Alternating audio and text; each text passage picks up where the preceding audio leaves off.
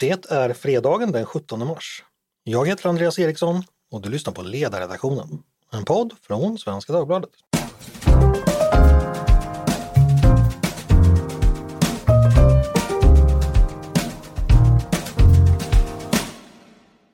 Varmt välkomna till oss.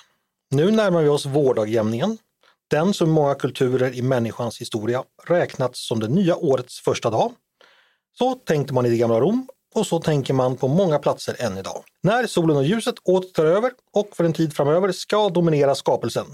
Då naturen på nytt väcks efter höstens tid av förgängelse och förfall och vinterns långa dvala och interregnum av kyla och stillestånd. Djur och växter bryter nu sina cykler och vänder åter, till sina, och vänder åter sina sinnen mot ljuset. Människorna försöker i den mån vi kan följa efter dem och allt levande går in i en period av tillväxt och förkovran, av förhoppning och förtröstan. Mina solceller uppe på taket är åter fria från snö och kan leverera kilowattimmar till nätet och reda pengar till mig. Gräsmattorna blottas åter och rådjuren kisar mot den gassande solen medan de eftertänksamt slukar tulpanlökarna som jag mot bättre vetande försökte plantera i höstas. Den snö som föll i fjol är sedan länge borta och via dagvattensystem och reningsverk återbördad till sitt naturliga kretslopp och helt snart ska hästhovens kaxigt gula anlete äggande blinka mot oss från dikesrenens mörkbeiga mylla. Kort sagt, Sverige går mot ännu en vår, ännu en tid av ljus som för andra folk och länder framstår som onaturligt och gåtfullt. Men för oss är vårt självklara livsrum de vita kvällarna och nätterna som är vårt släktes självklara arv och vår levnadsmening och själva essensen av vår existens. Allt sedan äldre tider, långt innan plog och åder ändå kratsat ut markerna här runt om oss hyperboreer, vi som tagit vår plats att leva långt bortom skyternas marker och nordanvindens boning. Långt innan någon yxa börjat utmana och gallra de väldiga taigaskogarna som täcker detta vårt Thules frostiga och vidsträckt domäner har vi, svioner, gutoner, finajter, kustbor och andra av entusiastiska bygdehistoriker mer eller mindre lokaliserbara folkslag. Ända sedan dess har vi levt för denna tid, solen och ljusets återkomst, månaderna av ständigt längre dagar och kortare nätter, ljusare morgnar och allt mer utdragna kvällar. Och än längre tillbaka, när allfadern själv med söner och frillobarn ännu vandrade ung och spänstig bland årskotten som senare skulle bli hans uråldriga blodaskar, när de äldre makterna ännu fanns med oss, då minnet av det första ursprungliga folket ännu var levande och när himlens, drömmens och dödens mysterier ännu var nära. Även då, när solskeppet under mässande sång vaggande bars genom heliga lundar, när herr Halinturuns andedräkt och Kalaholus kalla källa ännu var i levande folkminne, var solen ljusets och dagens återkomst, det som definierade detta vårt land och våra bygder, det längst bort befolkade från Babylons skimrande murar och Roms glatta marmorgator. Och apropå vår, för att återföra denna yverborna utflykt till mer prosaiska tassemarker. Vad är det med vårens kanske skiraste välkomstviol? Blåsippan. Som barn lärde jag mig att den var så skör som spädbarnets andetag i höststormen helgad som det sista glöden i härden under midvinternatten och skyddsvärd som förfädernas ben i kolumbariet. Att plocka en blåsippa, det var som att strypa en dront, göra kneller på en kvastfening eller suga det varma blodet ur en nyslaktad enhörning. Men nu, blåsippan ute i backarna står och det är överallt. Och den nya tidens barn verkar inte ha en aning om detta gamla helgade tabu som en gång tillsammans med flårskölj, anslagstavlan och hej matematik formade en hel generation av lojala och tappra folkhemskrigare. Vad mer av min barndoms visdom ska visa sig vara fabler? Ljög man så medvetet och öppet för oss? Vad mer kan då vara förvillelse och myt? Är det så att man inte blir blind av snöbollar? Är det så att miljoner kineser inte cyklar till jobbet bara för att de älskar att just cykla? Och kan det verkligen vara så att det kan vara något annat än den rena kärleken till ädel tävlan som lockar DDRs ungdomar till idrotten? Tja, vad vet jag? Jag känner mig lämnad utan ledning och mentorskap. Allt medan kvällarna blir ljusare och blåsipporna laddar för årets comeback på allmänningarna. Men som tur är har jag något att stödja mig på i denna tid, tid av tvivel. Och detta finns här runt omkring mig just nu i form av Svenska Dagbladets ledarredaktion som just idag representeras av Tove Livendal, Mattias Svensson och Maria Ludvigsson. Hej på er! Hej, hej, hej! Hemskt mycket hej! Tack för en tjusig inledning. Tack själv för att ni lyssnade. Eh, Vi hade inget val. Tove, välkommen hem! Du Tack så mycket. Du har varit ute och rört på dig. Eh, berätta lite kort. Ja, jag har varit ute och sett världen. Jag har varit i Indien en vecka och eh, ja, det, är, det är fortfarande något av det bästa som finns med livet och tillvaron, att få resa. Och eh, inte minst att få komma till ett sånt land som är någonting helt annat. Det blir en overload av intryck och tankar och perspektiv som man får med sig. Så det, jag är fortfarande lite lätt omtumlad men har också börjat skriva ner och sammanfatta en del av intrycken. De första dagarna ägnades åt en konferens och eh, de handlade om stora frågor som berör oss alla. Det, ja, det, så det, var, det, det är mycket, jag är mm. full av intryck. Vi ska återkomma till det, men den stora frågan för mig det är ju ett, hur var maten och två, när lagade du den till redaktionen? Mm. På ett svarar jag eh, väldigt bra. Jag tycker ju verkligen om indisk mat, äter det hemma här i Sverige också. Vi har en eh, jättebra indier i kvarteret, så det blir mycket av den varan. Så det här var ju, och det, det, är ju ett land som har 30 språk och tusen dialekter, har naturligtvis väldigt många olika kök också. Så att det fanns möjlighet att prova en hel del av det. Och på fråga två då, så ja, vi får väl boka in en tid för detta. Kanske se om det kanske kan bli en, en sommarsittning. Det kan det absolut Ni bli. brukar ju vara lite skeptiska till när jag ska bjuda redaktionen på mat, men vi kanske har lämnat det surströmmingskapitlet bakom oss. Du är faktiskt Allt förlåten. Allt kan bli bättre. ja, precis. Det kan bara gå framåt. Eh, ja, Mattias, hur har du det? Eh, jo, men sådär. Jag tycker att det här är en extremt deprimerande tid på året, så jag hoppas bara att den ska ta slut så fort som möjligt. Trots allt jag gjorde för att sälja in den inledningen.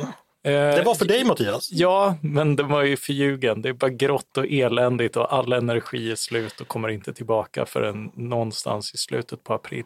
Men det är ju fredag. Bubblar det inte i blodet? Eh, nej, det gör ju inte det. Jag börjar bli gammal. Okej. Okay. Mia, hur är det på din front? Grundar... Jag är inte gammal. Nej. Eh, grundar du med groggen tänkte jag fråga? eh, nej, det är Coca-Cola jag grundar med. Ja, Men jag tycker inte det här är en trist tid. Jag tycker det är så skönt att ljuset är tillbaka. Mm. Det är den stora förändringen. Ja, det var ju lite poängen i min ja, långa... Jag långa... förstod det. Ja, fint. Det var sannare när du sa då ser man ju allt. Förresten Mattias, eh, du, du som är, är, är en progg-estet av stora mått. Jag-personen i Nationalteaterns låt Livet är en fest som jag nu har alluderat några gånger här. Vad heter den? Åh, du, eh, det var en Han bra fråga. Jag är greven och plast, ja. Eh, men vem jag är? Jag heter Clown faktiskt. Mm -hmm. Oj! Så är det, för detta är ju faktiskt en hel eh, pjäs som handlar om tre unga mäns eh, uppväxt och så småningom förfall i det iskalla och döende folkhemmet på 1970-talet. Det som Göran Greider minns så väl. med välbehag idag. Ja, med välbehag. Hörrni, hög tid att vi lämnar Nationalteatern för att övergå till samtidens stora komedi som spelas upp framför våra ögon. Då har vi valt ut några scener från de allra senaste akterna för en närmare analys. Och då tänkte jag vi skulle börja eh, med någonting eh, allvarligt och jobbigt. Eh, en av veckans så stora, stora så kallade snackisar bland politikfolket. Nämligen det som har skett i Kristdemokraterna. De flesta har säkert hört talas om detta, men en kort rekapitulering lyder. Partiets partisekreterare Johan Ingerö har avgått efter att ha anklagats av partiets Europaparlamentariker Sara Skyttedal för sexuellt ofredande. Detta ska ha skett i samband med Europaparlamentsvalet 2014. Johan Ingerö har nekat till detta ska sägas. Eh, Sara Skyttedal har också anmält Johan Ingerö, en anmälan som vi idag fick veta har lagts ner hos polis, av polisen för att brottet ska vara preskriberat. Eh, det här tänkte jag börja prata med dig Tove om, för det finns en del frågor att fundera på här. Dels hur vi som ledarredaktion hanterar den här typen av nyheter i allmänhet.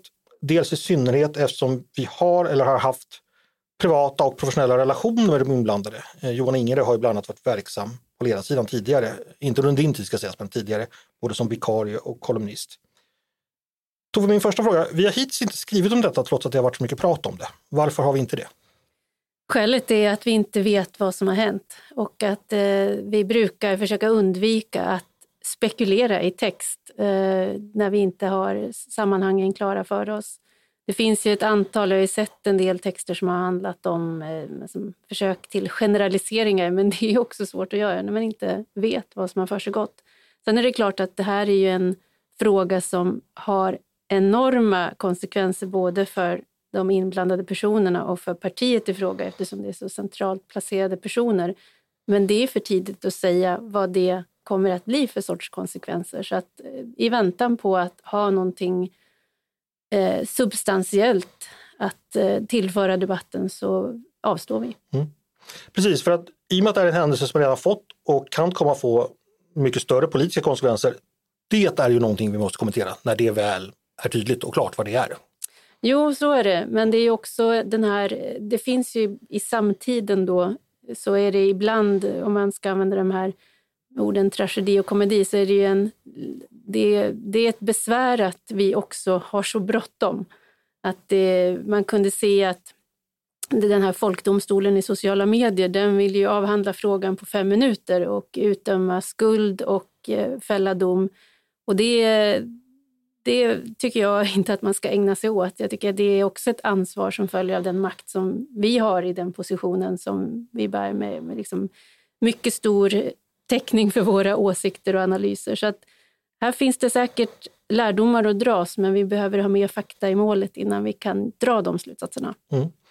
Och då frågar förstås vän av ordning, om vi inte skriver om det, varför pratar vi då om det i podden? Och min tanke med det, som jag också stämt av med Tove, det är ju då att vi tror att podden eh, är rätt forum för att säga just sådana här saker. Eh, att tala kring vad ledarsidan kan säga och inte kan säga i skrift. Men, men eh, ja, här finns helt enkelt det utrymmet och det är ett mer lämpligt forum tycker vi. helt enkelt. Absolut. Sen ska jag bara säga, korrigera där att, att Johan Ingerö kom in som kolumnist under mitt... Ja, okej, okay, han var det. Mm, ja. Mm, just det. Min nästa fråga då, det här med privata relationer. För alla vi fyra som sitter här eh, har ju mer eller mindre en professionell eh, och privat relation till de här två personerna. Kanske inte så jättemycket privat i alla fall, men den finns ju i alla fall där. Eh, jag och Mattias har jobbat med Johan Ingre tidigare på en tidigare arbetsplats som heter Neo bland annat. Och som du säger, då har ju eh, anlitat Johan Ingre som kolumnist. Hur förhåller vi oss till det, det privata, när det, när det professionella krockar med det privata? Eller hur tänker du kring det? Eh, där behöver ju, eh, vi behöver ju göra vårt jobb först och främst. Och är det så att man har en relation som är av den arten att man känner att nej, men jag kommer inte kunna göra en professionell bedömning eller ställa mig så med den distans som krävs, då är det ju inte den personen som ska skriva den texten helt enkelt. Eh, så det, där är det av omsorg för tidningens integritet som alla inblandade måste verka och det är mitt ansvar att se till att eh, vi kan ge läsarna en tillräckligt professionell bedömning utan att man ska behöva misstänka att eh, en privat relation har grumlat synen. Mm. Finns det något annat som du tycker läsarna och lyssnarna bör veta om den här historien och hur vi förhåller oss till den? Nej, jag satt i morse i TV4s eh, nyhetspanel och då kom frågan upp. Eh, då var mina två panelkollegor Per Schlingman som jag har erfarenhet av att vara partisekreterare och Thomas Bodström som ju också har erfarenhet och kunde berätta att partier drabbas av panik när sådana här saker händer. Så att det finns ju den sortens iakttagelse hur man hanterar svåra känsliga ärenden och där är väl den generella erfarenheten att partier inte är jättebra på att handskas med personligt känsliga frågor därför att anseendet och partiets eh, lojaliteten kring partiets anseende brukar alltid trumfa omsorgen om den enskilda personen. Eh, så det, det kan bli väldigt hårt för dem, eh, dem det berör och här är väl förhoppningen då att partiets tillförordnade partisekreterare verkligen ser till att båda personerna får stöd i en situation alldeles oavsett liksom vad man kommer fram till när det gäller vem som har gjort vad och om det finns någon som är att eh, så här, klandra så är det ju två personer som har vikt sitt, stor del av sitt liv åt ett parti och förtjänar att få det stöd som man kan ha när, när det blåser på det här sättet. Mm.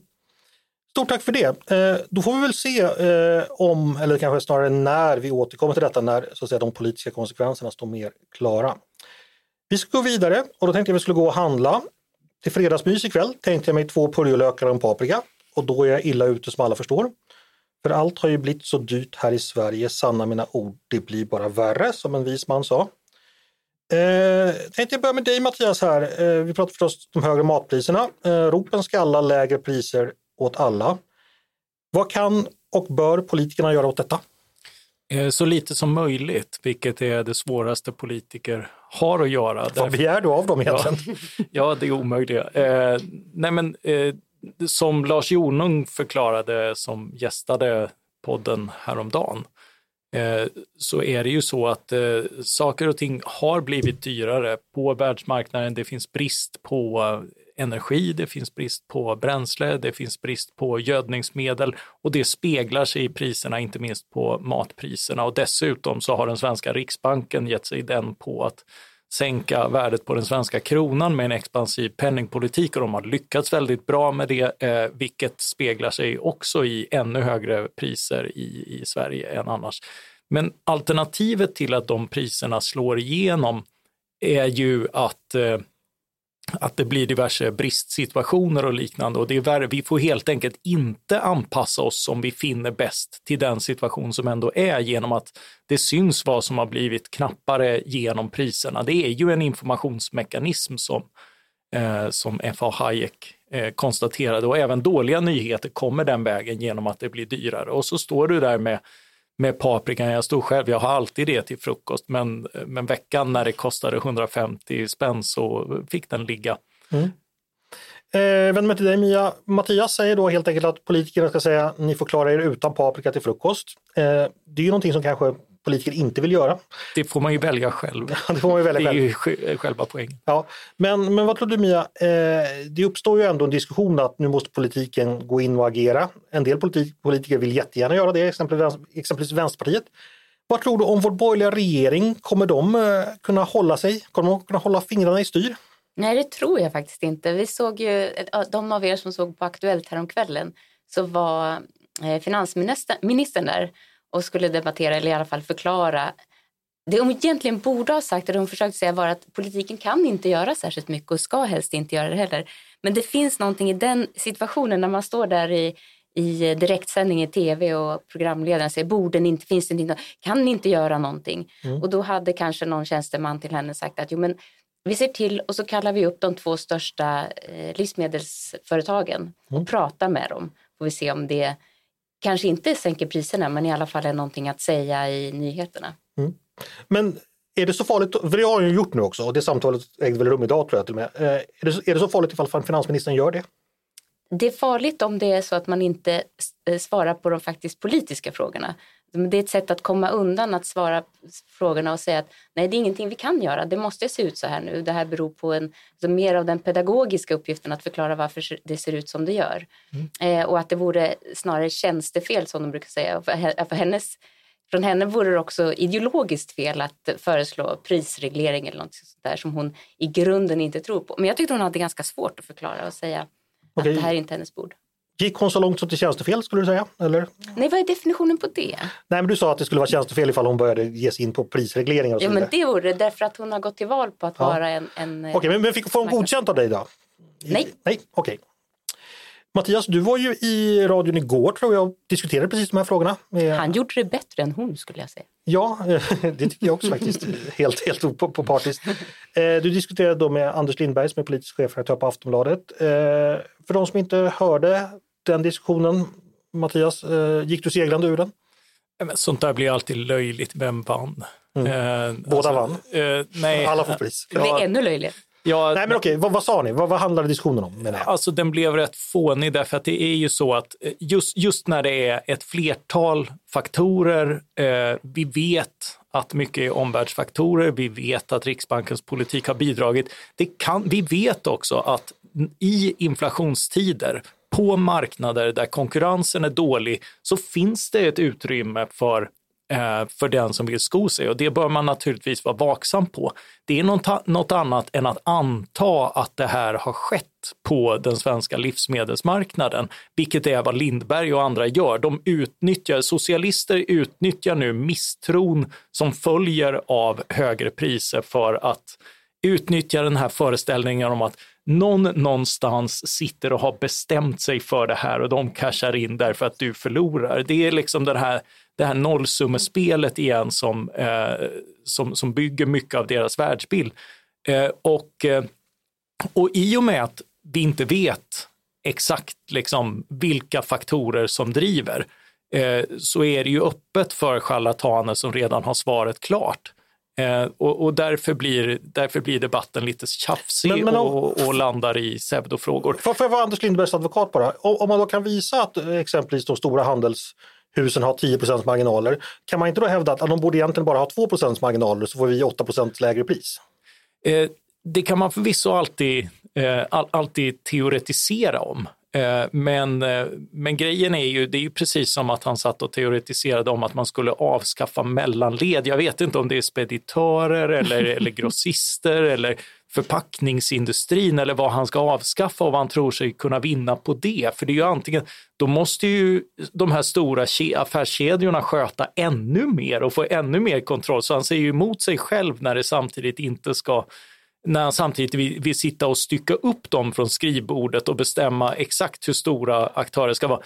Det är lite grann en nonsensdiskussion. Eh, vad, vad, vi bör värna alltid är god konkurrens, att se till att kan man komma in på livsmedelsmarknaden, vad finns det för hinder? Och där fick jag bara, eh, bara efter radiosändningen bekräftelse från Moderaterna lokalt i Västerås som försöker praktiskt öka etablering av nya affärsaktörer. De tycker att eh, sossarna håller emot och, och, och det här kommunala eh, plan och byggmonopolet ger ju stora möjligheter att bestämma. Och det är ju så historiskt sett har vi haft ännu färre och ännu större aktörer. Mm. Eh, Tove skötte Mattias bra i radio igår. Var du stolt över honom? Jag var mycket stolt och jag rekommenderar alla att gå in och lyssna på det där klippet av eh, tre skäl. Det ena därför att Mattias redogör pedagogiskt och utmärkt för alla de olika aspekter som finns med i frågan och vad faktiskt politiken kan göra som du var inne på nu. Det andra är för att få ett tydligt exempel på hur sämsta sortens populism kan låta inför den här typen av oro som finns naturligtvis när man ser priserna så, så är det klart att man, människor känner att vad är det nu som händer? Och då kan man antingen försöka möta den med klok pedagogik och snarare använda situationen för att folk ska förstå bättre. Hur fungerar ekonomi? Vilka samband finns? Hur fungerar en marknad? Vilka olika delar finns? Eller också kan man gå till den sortens eh, väldigt eh, ja, får jag säga, grova, grov retorik ändå som Anders Lindberg begagnas av. Och plötsligt så fick vi höra att hela bankväsendet var korrupt. Och det är ganska stora anklagelser. Det dök upp i en bisats där. Ja, visst. Den lilla detaljen. Och, och, och, fem mellanled skulle vi skrota, och utan, precis som Mattias var inne på, men utan att specificera vilka fem exakt av de mellanleden som han tycker är, är eh, vi kan vara utan. Och sen tycker jag också att den här lokala ICA-handlaren som var med gjorde en pedagogisk insats att förklara till exempel då vad det är som gör att vi då kan säga att ja, men i procenttal så har Sverige då kanske högre matpriser, men förklara hur det hänger ihop eh, och varför det kan bli så utan att det behöver bero på att det är något fuffen som försiggår. Så att det fanns mycket att lära tycker jag av det här det, inslaget. Det ska ju sägas att eh, just det här, det finns eh, ett påstående är då att eh, livsmedelsjättarna plockar ut stora vinster förra året och det är ju sant eh, därför att under pandemin, precis som han var inne på, eh, och då försökte Lindberg få det till ett enskilt exempel, men det här var ju generellt så det var. Under pandemin när verksamheter stängdes ner, vi inte fick eh, gå ut och, och, offentliga lokaler stängdes, då åt vi mer hemma och eh, behövde mer eh, hemelektronik och annat och ICA och andra, eh, eh, eller livsmedelsbutikerna överhuvudtaget, var ju några av dem som på ett eh, rätt fantastiskt sätt lyckades få i de här nedstängda länderna så lyckades de få distributionen att fungera. Det är en av de här hundarna som aldrig skällde. Det var lite brist på dasspapper i början, men fascinerande hur väl den här försörjningen funkade också när efterfrågan ändrades radikalt det gjorde gott för deras vinster, men det tycker jag verkligen de förtjänade, precis som eh, de som jobbar i vården fick rejäla bonusar för sin enorma arbetsinsats. Eh, och, eh, och, och, det används nu som ett vapen för att de tjänar inflationstider när väldigt lite tyder på det tvärtom. Utan, utan de här påslagen beror ju i allt väsentligt på, eh, på, på liksom, eh, påslag som, som vi vet ökar priserna och som behöver synas i priserna. För det kan ju också vara värt att gå in på bara, vad händer annars? Vad händer om paprikan fortsätter att vara billig? Jo, eh, det första som händer är att då plockar vi alla åt oss av, av den som finns och det speglar ju att det finns en brist någonstans. Och om det inte finns från början så finns det när man inte tjänar mer än så, för då kan ju inte de längre tillbaka i ledet få, bättre, få, eh, få betalt för det, men de kanske de har sannolikt högre kostnader, det växer i växthus som kräver mer energi, energikostnaden är helt annan eh, och, eh, och då lönar det sig ju inte att, att producera nya. Så antingen får du en brist för att folk efterfrågar som förut eller så får du en brist för att eh, det inte lönar sig att producera till samma priser som förut och förmodligen får du både och. Så just det här att gå in, gå in och reglera och tro att man kan överpröva de här priserna från politiskt håll är, är ju någonting som, som verkligen visat sig aldrig fungera. Det påminner mig om en historia som Ronald Reagan berättade efter att han varit på besök i Sovjetunionen. Eh, Reagan var ju en stor historieberättare, jag kommer inte alls göra historien rättvisa, men det var i alla fall så här att i Ryssland så var det en man då som eh, äntligen hade kommit fram så långt så han skulle få köpa en bil. Eh, han hade stått i kö jättelänge och var jättelycklig. Då sa de då från bilarna att ja, men vi kommer att leverera bilen till dig om nio år och två månader. Han var jätteglad, men han frågade ändå så här, eh, kommer ni på morgonen eller på kvällen? Och så svarade bilförsäljaren, det är om nio år och två månader, vad spelar det för roll om ni kommer på morgonen eller på eftermiddagen? Jo, svarade mannen, rörmokaren kom på morgonen. det såg jag på Youtube häromdagen. Ja, ja, han, han, samlade ju på de här eh, historierna ja. och cynismerna kring ja. vi, eh, vi låtsas arbeta och de staten låtsas. låtsas betala oss. Just det. Men många av de där historierna kom ju från ryssarna själva. Ja, ja, ja, det var ju det som var, det var, ju det som var poängen. Att, eh, det finns, fantastiskt. det finns en uh, Youtube-klipp som heter tror jag, Ronald Reagans skämt som är jättelånga. Som är, som är helt fantastisk. Jag måste faktiskt bara berätta en, en till. Det var då att Gorbatjov, eh, han var på sin Dacia nere vid, vid, kusten och så behövde han då ta sig tillbaka till Moskva för att det var ett viktigt sammanträde. Eh, så eh, satte han sig i bilen, man tyckte att chauffören åkte så långsamt så han sa så här, hoppa in i baksätet så, så kör jag istället. Och så brände han på mot motvägen mot Moskva. Och då var det två stycken motorcykelpoliser som stod och tittade och så såg de här limousinerna bara blåsa förbi. Liksom. Och sen en av killarna, då, motorcyklisten, åker iväg och eh, sätter av, av efter honom. Men sen efter ett tag kommer han tillbaka. Så frågar kompisen så här, ja men hur mycket böter, vi gav honom böter? Så bara, Nej, jag gjorde inte det. Så här. Men varför inte det? Eh, vi har ju sagt att alla måste få böter, vi måste få ordning på det här landet. Till och med partitopparna ska, ska få böter. Varför går de inte böter? Nej, det gick inte. Det, det var en alldeles för viktig person. Ja, men vem var det då? Så här? Ja, det var en alldeles för viktig person. Men vem var det? Ja, jag vet inte, men hans chaufför var Gorbatjov. ja, den är mycket bra. Ja, Okej, okay. nu har vi tagit mycket tid med För, Jo, eh, ja, men det, det, finns ju en, en till, eh, jag vet inte om det var, det är i en eh, en tågtunnel. Det sitter då i en kupé eh, två män, en ryss, en polack eh, och två kvinnor. En äldre kvinna och en mycket ung och söt kvinna. Så åker de in i en tunnel, det blir mörkt, eh, det, det hörs ett smack eh, och eh, en smäll och när de kommer ut ur eh, tunneln så har ryssen en stor blå tira. Eh, och då tänker den gamla kvinnan, bra att hon smällde till honom när, när han försökte förgripa sig, den där burduse ryssen. Och den unga kvinnan tänker, fruktansvärt att ge sig på en gammal dam på det där sättet. Vad håller han på med? Och ryssen tänker, fan det var, det var en smart eh, grabb polacken som kysste kvinnan och sen fick jag ta smällen. Och polacken tänker, fan vilken bra idé, jag kysste mig på handen och smällde till ryssjäveln. Då har vi färdiga med, med, med detta boomerskämt om från det gamla östblocket.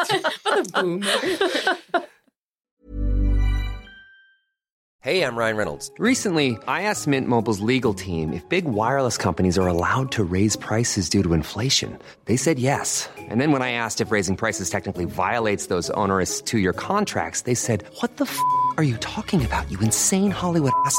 So to recap, we're cutting the price of Mint Unlimited from $30 a month to just $15 a month. Give it a try at mintmobile.com slash switch. $45 up front for three months plus taxes and fees. Promoting for new customers for limited time. Unlimited more than 40 gigabytes per month. Slows. Full terms at mintmobile.com. Hörni, eh, vi lämnar mat, matpriser och Reagan-historier åt sitt öde och så ska vi gå in i eh, nästa stora snackis den här veckan och då pratar vi förstås finansiell oro. Eh, för det har vi väl alla börjat känna puttra både i nyhetsflödet och i plånboken. Eh, jag undrar om jag ska börja med dig igen Mattias. Eh, flertal bankkollapser i USA. började med Silicon Valley Bank eh, redan förra veckan. Och vi har haft Signature Bank också som har gått omkull och även europeiska banker som har problem. Och börsen eh, darrar nervöst. Vad är det som håller på att hända? Eh, ja, det som håller på att hända är väl eh, mestadels överreaktioner på alla håll. Mm. Eh, därför att eh, det har gått omkull en eh, bank, inte en av de största och det, det gick ju rätt ordnat till ändå. Eh, därför att numera, eh, det var inte bara det att den inte var too big to fail utan, utan att banker numera kan fail på det sätt som eh, svenska banker gjorde under 90-talskrisen, det vill säga aktieägarna förlorar sina pengar men insättarnas pengar bevaras. Eh, det som är anmärkningsvärt här var att eh, insättarnas pengar skyddades även över de gränsbelopp som har satts, vilket, vilket ju då eh, förtjänar kritik och är, är, en sån där grej som riskerar att sätta ett, ett nytt mandat, skapa nya förväntningar och, och, vara en typisk överreaktion som staten gärna gör i, eh, på, på det här området. Men, men på det hela taget så, eh, så gick det ju att hantera. Men eh, en, en, ironi i sammanhanget är ju också att konstatera att eh, vad var det som var orsaken? Jo, det var ju att eh, den här banken under, eh, under pandemin när det var enorma, eh, det var ju inte bara eh, livsmedelssektorn utan också techsektorn som bommade upp när alla behövde dels jobba hemifrån, bättre uppkoppling, bättre utrustning, eh, men, men också hålla, hålla möten och kanske få ny, ny hemelektronik hemskickad. Eh, och eh, det här, eh, samtidigt så stimulerade centralbankerna enormt mycket, eh, sannolikt groteskt över mycket. Och det, det gjorde att all form av avkastning dök ju ner så att de satt med väldigt mycket pengar för de jobbade ju dessutom mot techsektorn, mot, mot startup-företag som hade väldigt mycket, de hade investerare eh, som hade stoppat in väldigt mycket pengar, de stoppade in pengar på banken och de visste inte vad ska vi göra av alla pengar. Så de satte dem på det säkraste stället som fanns, nämligen i statsobligationer till eh, låg men förutsägbar ränta.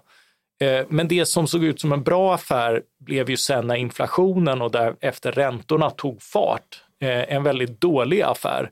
Eh, så, så just genom att investera väldigt tungt i det som alla reglerare har sagt att det här är den, det säkraste som finns, det blev osäkerheten. Så det är ju, det är ju en illustration av, av liksom att det, ska, det sägs alltid i det här läget, vi måste reglera hårdare och bestämma. Men det brukar bli så att de här regleringarna ser till att hindra förra gångens kris, men kan mycket väl skapa nästa kris genom att, genom att driva utvecklingen för långt i en annan riktning. Mm.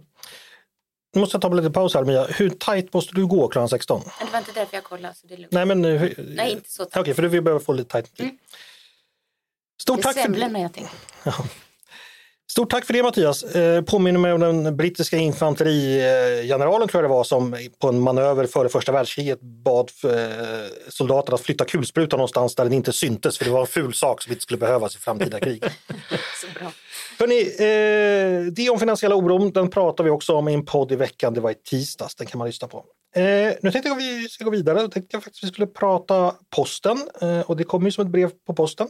Mia, du har satt igång, eller du har skrivit om posten. Ja, om det var ro- ja men det var roligt att skriva den texten just det, för det finns många sådana här som ett brev på posten och flaskpost och sånt där. Så mm. det finns mycket roliga Precis. ordvitsar. Ja, var det för ordvitsar man skulle Nej, skriva? Nej, nu var det faktiskt inte det. Utanför? Vet du, jag ska avslöja nu för er som lyssnar att det var en, en läsare som hörde av sig om ett tips. Mm. Eh, och det är en eh, tipsaren är själv en person som har försökt utmana då det monopol som Postnord utgör. Eh, och med, det, med den eh, lilla information som jag fick därifrån det läget hur det är att eh, se Postnord från det hållet så fick jag en idé då att det här skulle jag skriva om och beskriva hur det egentligen är. För vi har ju fått för oss att vi har avreglerat postmarknaden. Mm. Ja, det trodde jag, men det har vi alltså ja, inte. Nej, alltså inte. Eftersom vi bara har en enda jätteaktör och som dessutom får miljardbelopp av staten för att klara av den uppgift som de redan är ålagda att utföra. Det, det är dessutom ganska populärt att skriva texter om sånt som läsarna känner igen sig i. Och det här att posten inte går som den ska och att brev försvinner och det har blivit dyrt och varför är vi med och varför har vi någonting som är statligt nästan finansierat eh, som ändå inte fungerar? Borde vi inte ha mer av eh, ja, andra alternativ? Men det är intressant för att i den parallella verklighet där Daniel Suhonen och andra Mm. lever, då framstår ju posten som det yttersta exemplet eller beviset på det nyliberala helvetet som Exakt. Sverige har blivit. Men så är det alltså inte. Nej, det, och det skulle jag förstå om det var så att det fanns jättemånga postar. Om det Ja. fanns flera, fler än Och brevbärarna sköt varandra Ja. på väg, på ut.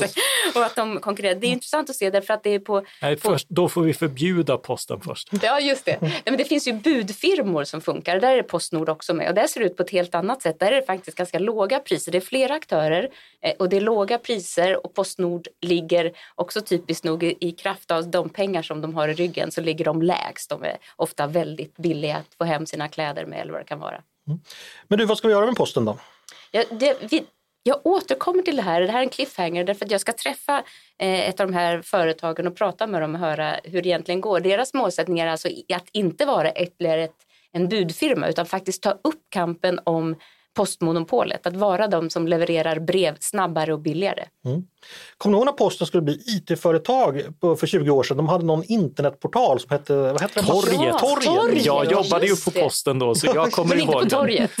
Eh, nej, Inte eh, vi, vi hade ju inte uppkoppling så vi, kunde, vi vanliga anställda kunde inte riktigt Ma- se Mattias, det där. berätta för ungdomarna, vad är en internetportal för någonting?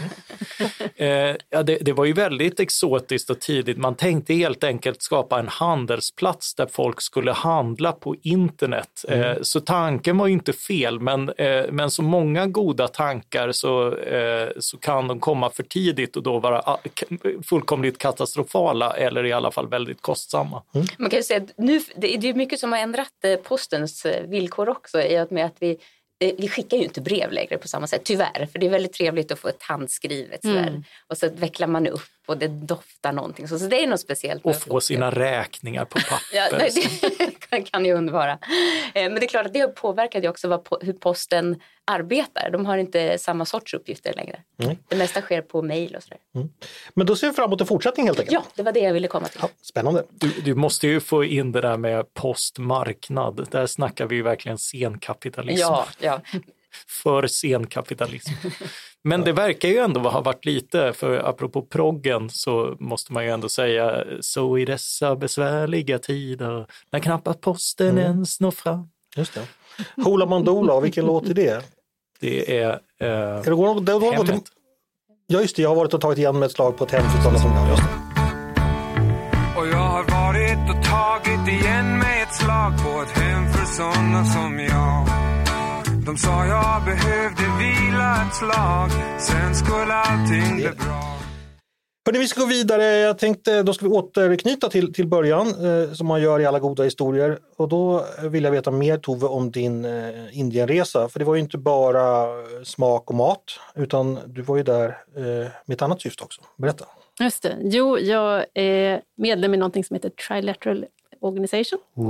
Ja, precis. Det dyker upp fantastiska konspirationsteorier i sociala medier. Men Så nu har ni styrt världen. världen. nu har vi styrt upp världen. Bra, bra. Jag önskar att, så vore, att det fanns sådana enkla knappar att trycka på, men det gör det inte. Men däremot så är det då en organisation som startades 73 för att eh, öka förståelsen dels transatlantiskt men också med Asien. Och eh, nu var det 240 personer från 46 länder.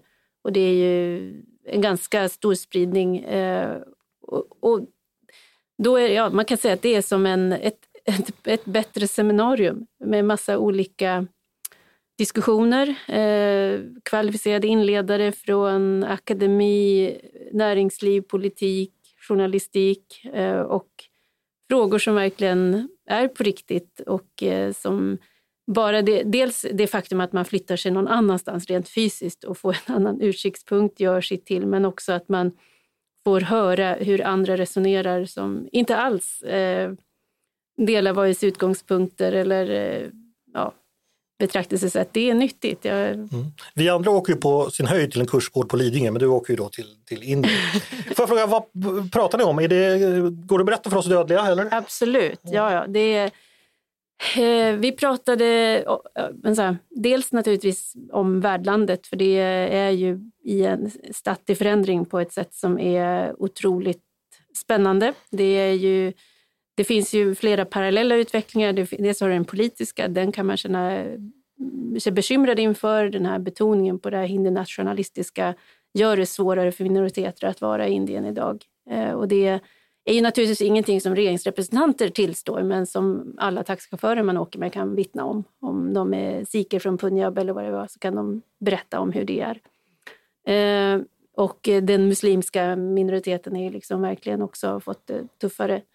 Eh, sen eh, så pågår ju den här enorma digitaliseringen av landet och där tycker jag att perspektiven verkligen hissnar. Vi har ju kommit en bit på vägen men det har gått ganska långsamt. De gör det här i expressfart och i en magnitud som är svår att föreställa sig. Om man, apropå det här med posten nu, då, att vi an, andra ärenden som tog väldigt mycket tid förut var ju just att gå på posten eller att gå på banken och det var långa väntetider och man fick nu räkna, liksom, skulle man gå och göra ett ärende och en insättning och sådär, ja men ta en timme liksom och kö och blanketter och väldigt analog verksamhet så. Eh, och så tänker vi på att idag gör vi det på internetbanken, det tar kanske ett par minuter och då har vi sparat 58 minuter som vi kan lägga på annat. Och det då multiplicerat med mängden ärenden vi gör i månaden, eh, multiplicerat med mängden vuxna invånare i Sverige, ja det blir ganska mycket. Men om man tar den där övningen och tar en, alltså den vuxna befolkningen av 1,4 miljarder så förstår man vilka typer av, typer av tidsvinster de kan göra och kan lägga på utveckling av, av samhället. Eller sådana här saker som att AI nu då som vi försöker förstå, får att skriva lustiga tal och sånt där. Det är mycket experimenterar, Mia experimenterar med ledare. Eh, Men i ett land där man har minst 30 officiella språk, tusen dialekter och också just det här enorm byråkrati och analoga verktyg. Om man då kan digitalisera och låta AI också sköta en, en smidigare direktöversättning så inser man också vilka enorma vinster man kommer att kunna göra. Så den där sortens perspektiv kommer man hem liksom rätt uppfylld av. Och vilka kändisar var där? Ja, det är ju däremot en sån där sak som inte... Det, såna här konferenser brukar hållas under någonting som heter Chatham House Rules. Man får berätta vad som har sagts, men man, vill man då citera enskilda personer så får man fråga dem först. Och jag har ju... Eh, det är inte omöjligt att det blir någon eh, här, intervju kanske med, med namngiven person. Det brukar bli resultatet när jag varit på såna här konferenser att jag brukar också försöka få till enskilda intervjuer. Eh, sist blev det med David Petraeus som tidigare general och chef för CIA som intervjuades på ledarsidan men som också nyligen intervjuades av Gunilla von Hall på nyhetssidorna. Då får vi se vad det blir i framtiden. Eh, och det har absolut inte kommit in några män i svarta kostymer här och eh, titta på mig. Eh, Däremot måste jag rätta mig. Det, det är förstås inte hemmet. Eh, där blir man intagen om vi avskaffar yttrandefriheten och det här var ju danslåt för yttrandefriheten där posten inte når fram. Men fortfarande Hoola Banoola Band. är du säker på att det är danslåt för yttrandefriheten? Jag, jag slog upp det på internet. Ja. Och Hur, hur går eh, refrängen där?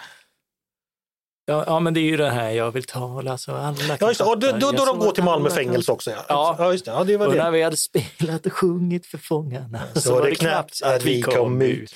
Så refrängen är ju bara na na Ja. na na na na na. Det var mycket på dem. Na, na, na, na, na. Hörni, vi lämnar Na, proggen. na, na, na, na, na, na, na. Vi lämnar proggen, för det har blivit Na, dags na, na, na. för ett av mina favoritmoment.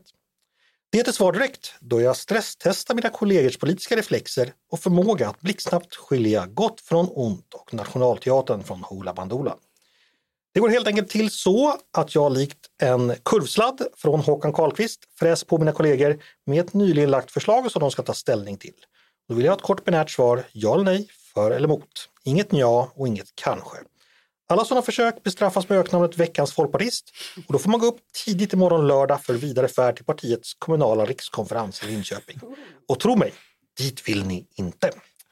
Och snabbt som ögat skall det gå, helt enkelt svar direkt. Är ni med? Ja. Ja, Vi behöver en ny modell för att ta fram nämndemän. Det tycker, tycker Hanna Wärt som är ordförande för Sveriges domareförbund. Hon pekar i en debattartikel eh, i Svenska Dagbladet på, på de två uppmärksammade fallen då partier varit i kontakt med nämndemän efter domar och då fått dessa nämndemän att lämna sina uppdrag, nu senast efter snippadomen i hovrätten.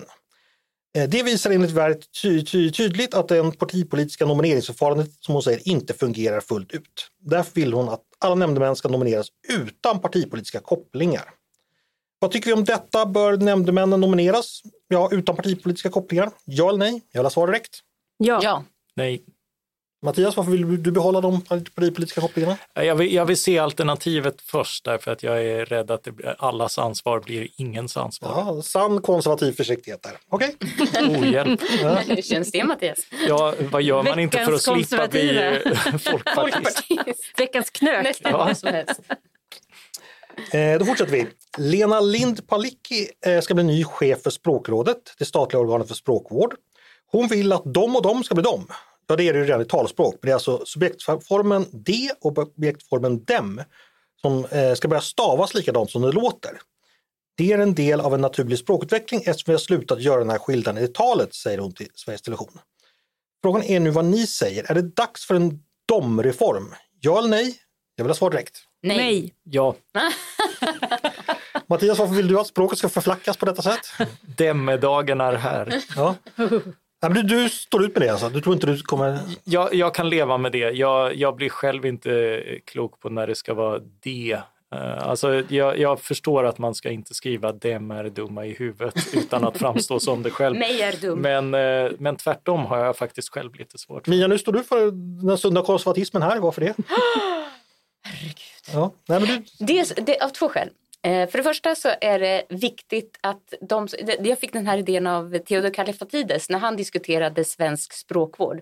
Han sa att om det i svenskan blir att allting är rätt, det spelar ingen roll, att man ska inte ens kunna se skillnad på objekt och subjekt, då blir det omöjligt att lära sig språket. Det måste finnas rätt och fel. Vi får inte göra det till ett... Du kan prata, bara du, vi förstår vad du säger så är allting rätt. Anything goes. Det andra är, tycker jag, att det är en, konservativt eller ej, men det är någonting i det här att så fort någonting är svårt så tar vi bort det. Därför att det är lite för svårt för barnen att lära sig. Det tror jag inte alls att det är. Det har man kunnat lära sig i många generationer. Det kan vara bra ibland att lära sig sånt som faktiskt är svårt och som har en mening. Det betyder olika saker. Säger alltså Maria Ludvigsson som vill återinföra dativformer i svenska. Det eh, ska jag kämpa för. Hästdroskor funkar faktiskt jättebra. hörni, vi ska fortsätta. Eh, Gary Lineker eh, stängdes förra veckan av från BBCs Match of the Day efter en tweet där han kritiserat premiärminister Rishi Sunaks migrationspolitik och liknat den vid 1930-talets Tyskland.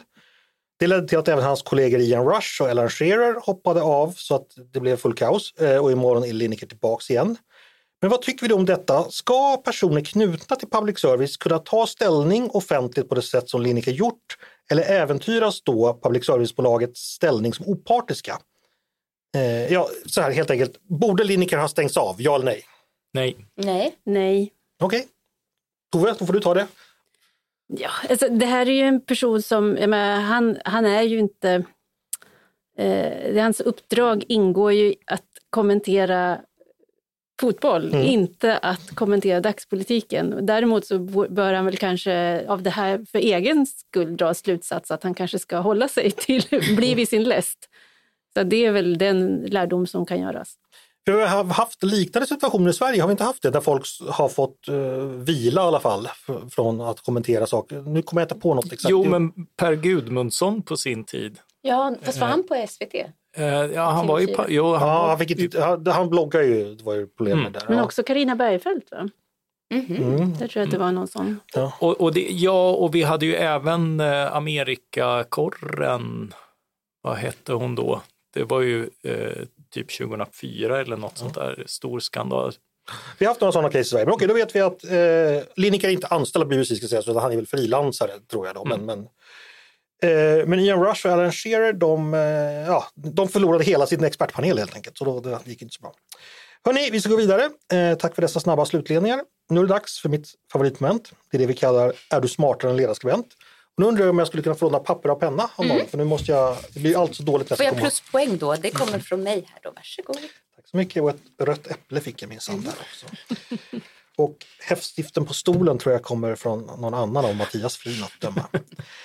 Eh, ni känner vid, vid det här laget till momentet, men för nytillkomna lyssnare ska jag kort förklara vad det går ut på. Eh, det är alltså en lättsam frågesport där jag testar ledarsidans skribenter och några, ja, kanske underhållande frågor som, ja, kanske har någonting att göra med dagens diskussion.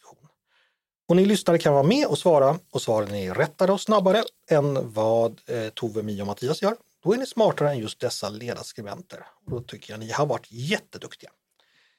Reglerna kan ni, man svarar genom att säga sitt namn. Vill man chansa innan jag läst färdigt frågan får man det, men då slutar jag läsa och då riskerar man också minus. Peter tog hem det här förra veckan. Vi ser kort på honom och säger att Peter är inte här idag Tove. Var är han? Han eh, gör sin plikt för kung och fosterland och är på hemvärnsövning. Vilket känns är alldeles tryggt. frivilligt.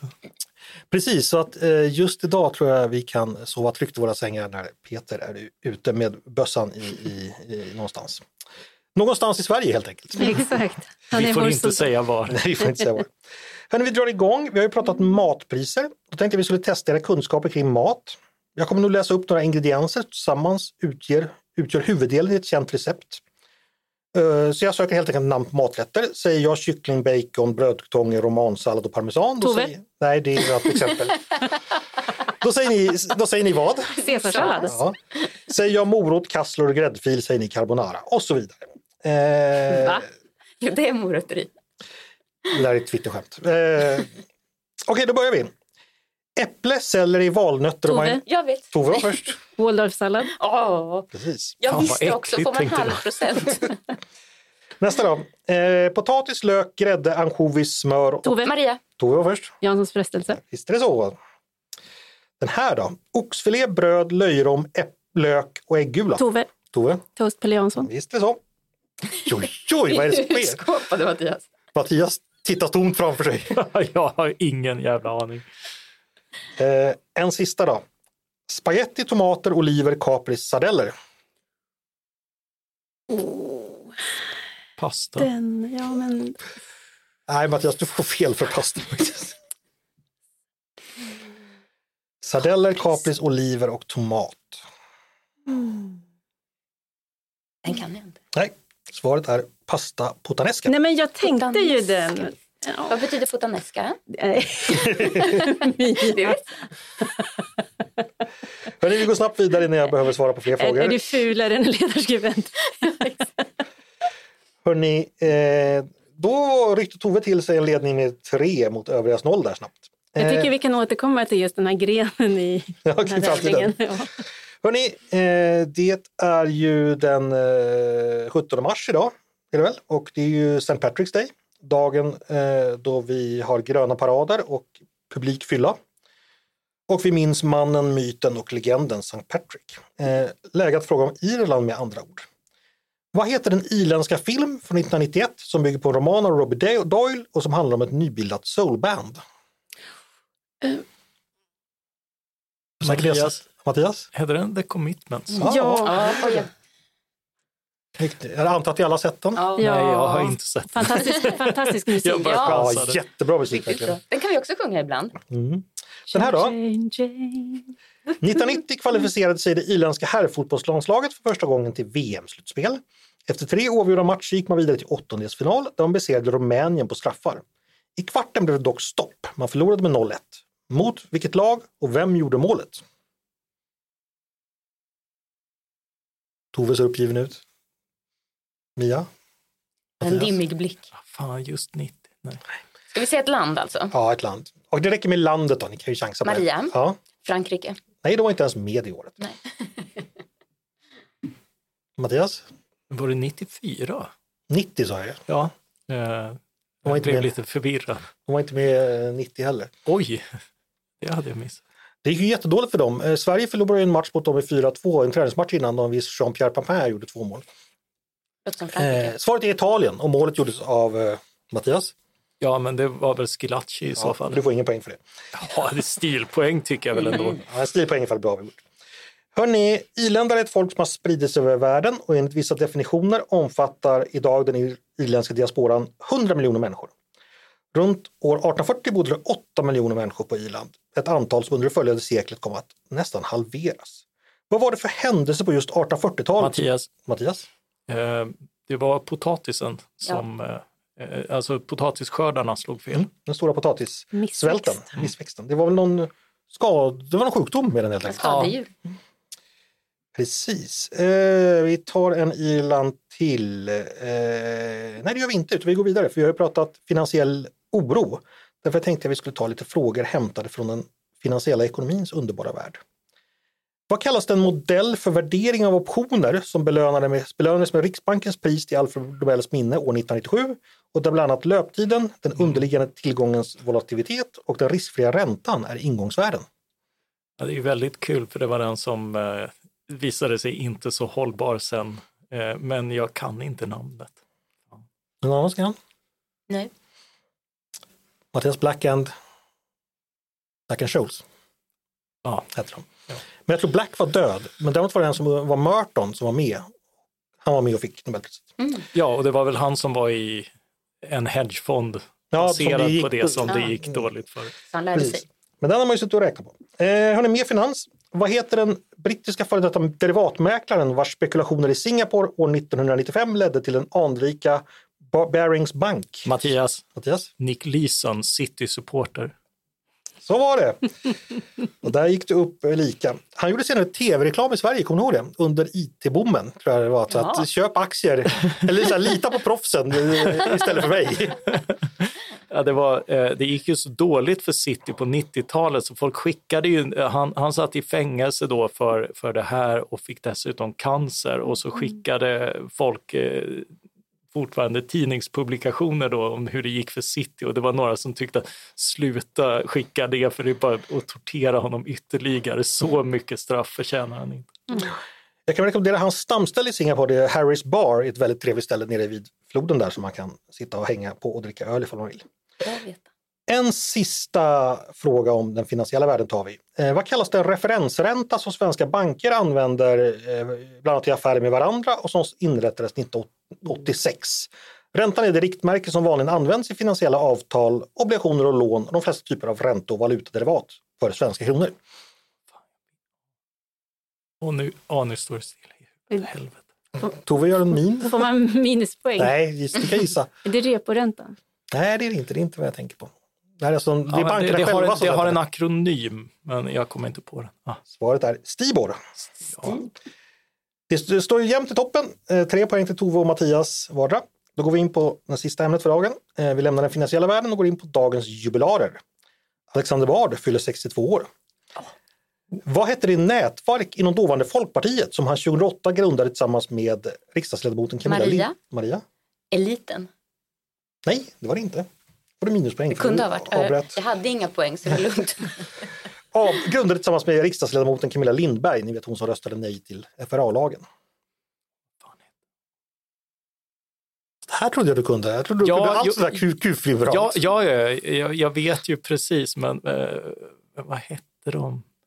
Eh, ja, eh, nej, de hette inte Socialliberalerna, va? De hette Liberati. Så var det, ja. Liberace. Eh, vi fortsätter med Bard. För vilket parti kandiderade han 2022 till riksdagen? Mattias, Mm. eh, med. Mm. Medborgerlig just samling. Vi går åt ledningen.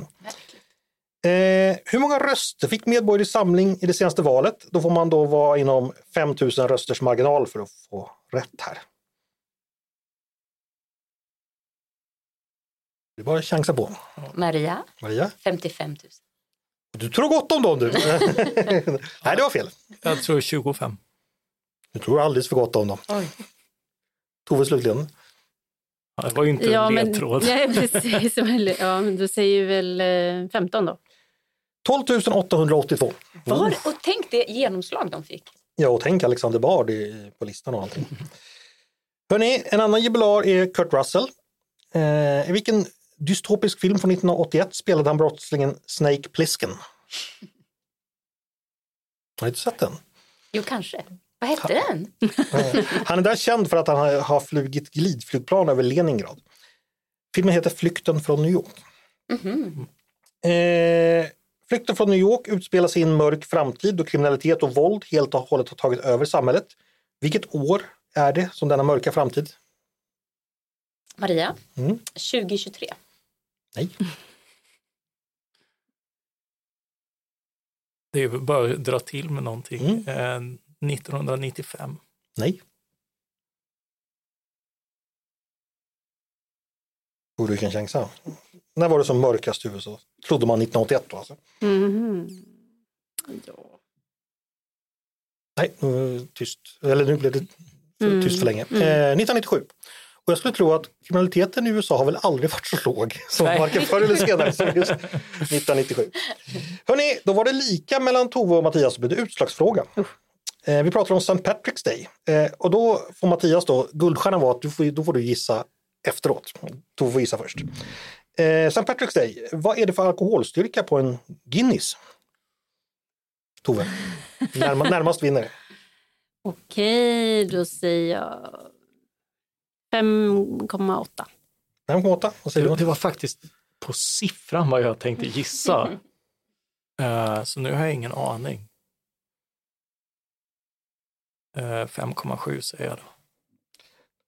Ni tror eh, att det är väldigt starkt, det är bara 4,2 faktiskt. Ja. Jaha. Grattis Mattias, då vann du på. Med en promille. På promillet där. Ja, Ja. Hörni, eh, dags att avrunda, men jag har faktiskt en avslutande liten rundfråga. Vi hade idag nöjet att möta eh, folk från vår marknadsavdelning som berättade lite om Svenska Dagbladets målgrupp. Det vill säga ni som lyssnar nu och kanske än mer den som vi vill också ska lyssna och prenumerera. och prenumerera. Eh, vi fick veta att ni är intresserade av upplevelser. Eh, och eftersom vi är era lydiga tjänare tänkte jag att redaktionen ska få tipsa om varsin upplevelse som man kan göra i helgen. Det behöver inte vara någonting man själv gör, men trevlig upplevelse man kan göra nu när världen är fri efter pandemins klor. Vem vill börja? Ska Jag kan Mia börja. Ja. Den, något som faktiskt verkligen är en upplevelse det är att ja, mer på vintern än på sommaren att ta sig ett bad. Mhm. Att isbada eller vinterbada. ja, har du någon favoritplats man kan göra det? Ja det har jag men eh, dit får ingen komma. Nej, okej. okej. Okej, men När, närmsta vak. ja, hoppa ner i spat Ja, var var det det- går någonstans. gör någonting med Men ha någon, med, ha någon med er ska vi säga. Ja, och något varmt om fötterna när ni kommer upp. Precis. Så, Mattias, en upplevelse. Alltså, allt är så trist så jag tänker mer att man springer för att komma bort från problemen. Det är ett rätt bra sätt att hantera sånt. Det är ju så du hanterar allt Mattias. Ja, Ja, okej. men, Jo, men men, vinterbad hjälper faktiskt även mot nedstämdhet. ja, ut och spring och vinterbada efteråt kanske. Mm. Tove slutgiltigt, jag tror att du har mer ambitiöst förslag än vad Mattias. Ja, men eh, efter resan här, mer smak. Så att, eh, har man möjlighet, planera för en resa. Och det behöver ju inte vara till främmande land. Det kan ju vara eh, till något, någon plats i Sverige som man har velat se och som man kan ta sig enkelt. Men, men just det där att planera en resa, för det är också en sån stor glädje att gå och vänta på den och känna den här, som, ja, se fram emot den. Så att det, det, den, den, den kan man njuta av även innan man har genomfört den. Jag ska till Norge nästa helg. Det var roligt. Var då Ja. någonstans? Vaset, det är en eh, skidort som är ganska nära Oslo. Mhm, vad trevligt. Mm. Hoppas vi på gott eh, skidföre. Ja, verkligen. Men vad nu bra! är du i utförsbacken. Vad sa du? Nu är du i utförsbacken. Men hörni, det var vi klara för idag. Eh, stort tack eh, Tove Livendal, Mattias Svensson och Maria Ludvigsson för att ni ville komma och prata med mig idag. Jag hoppas ni får en riktigt härlig helg nu. Tack Tack detsamma. detsamma. Och det hoppas jag förstås också att ni som har lyssnat också får. Eh, en trevlig helg alltså. Och det ni lyssnar på det är förstås Ledarredaktionen, en podd från Svenska Dagbladet. Ni är som vanligt varmt välkomna att höra av er till redaktionen med tankar och synpunkter på det vi precis har diskuterat. Eller om ni har idéer och förslag på det vi ska ta upp i framtiden. Då är det bara att mejla till ledarsidan snabel svd.se. Eh, dagens producent, han heter som vanligt Jesper Sandström. Jag heter som vanligt Andreas Eriksson och jag hoppas som vanligt att vi hörs snart igen.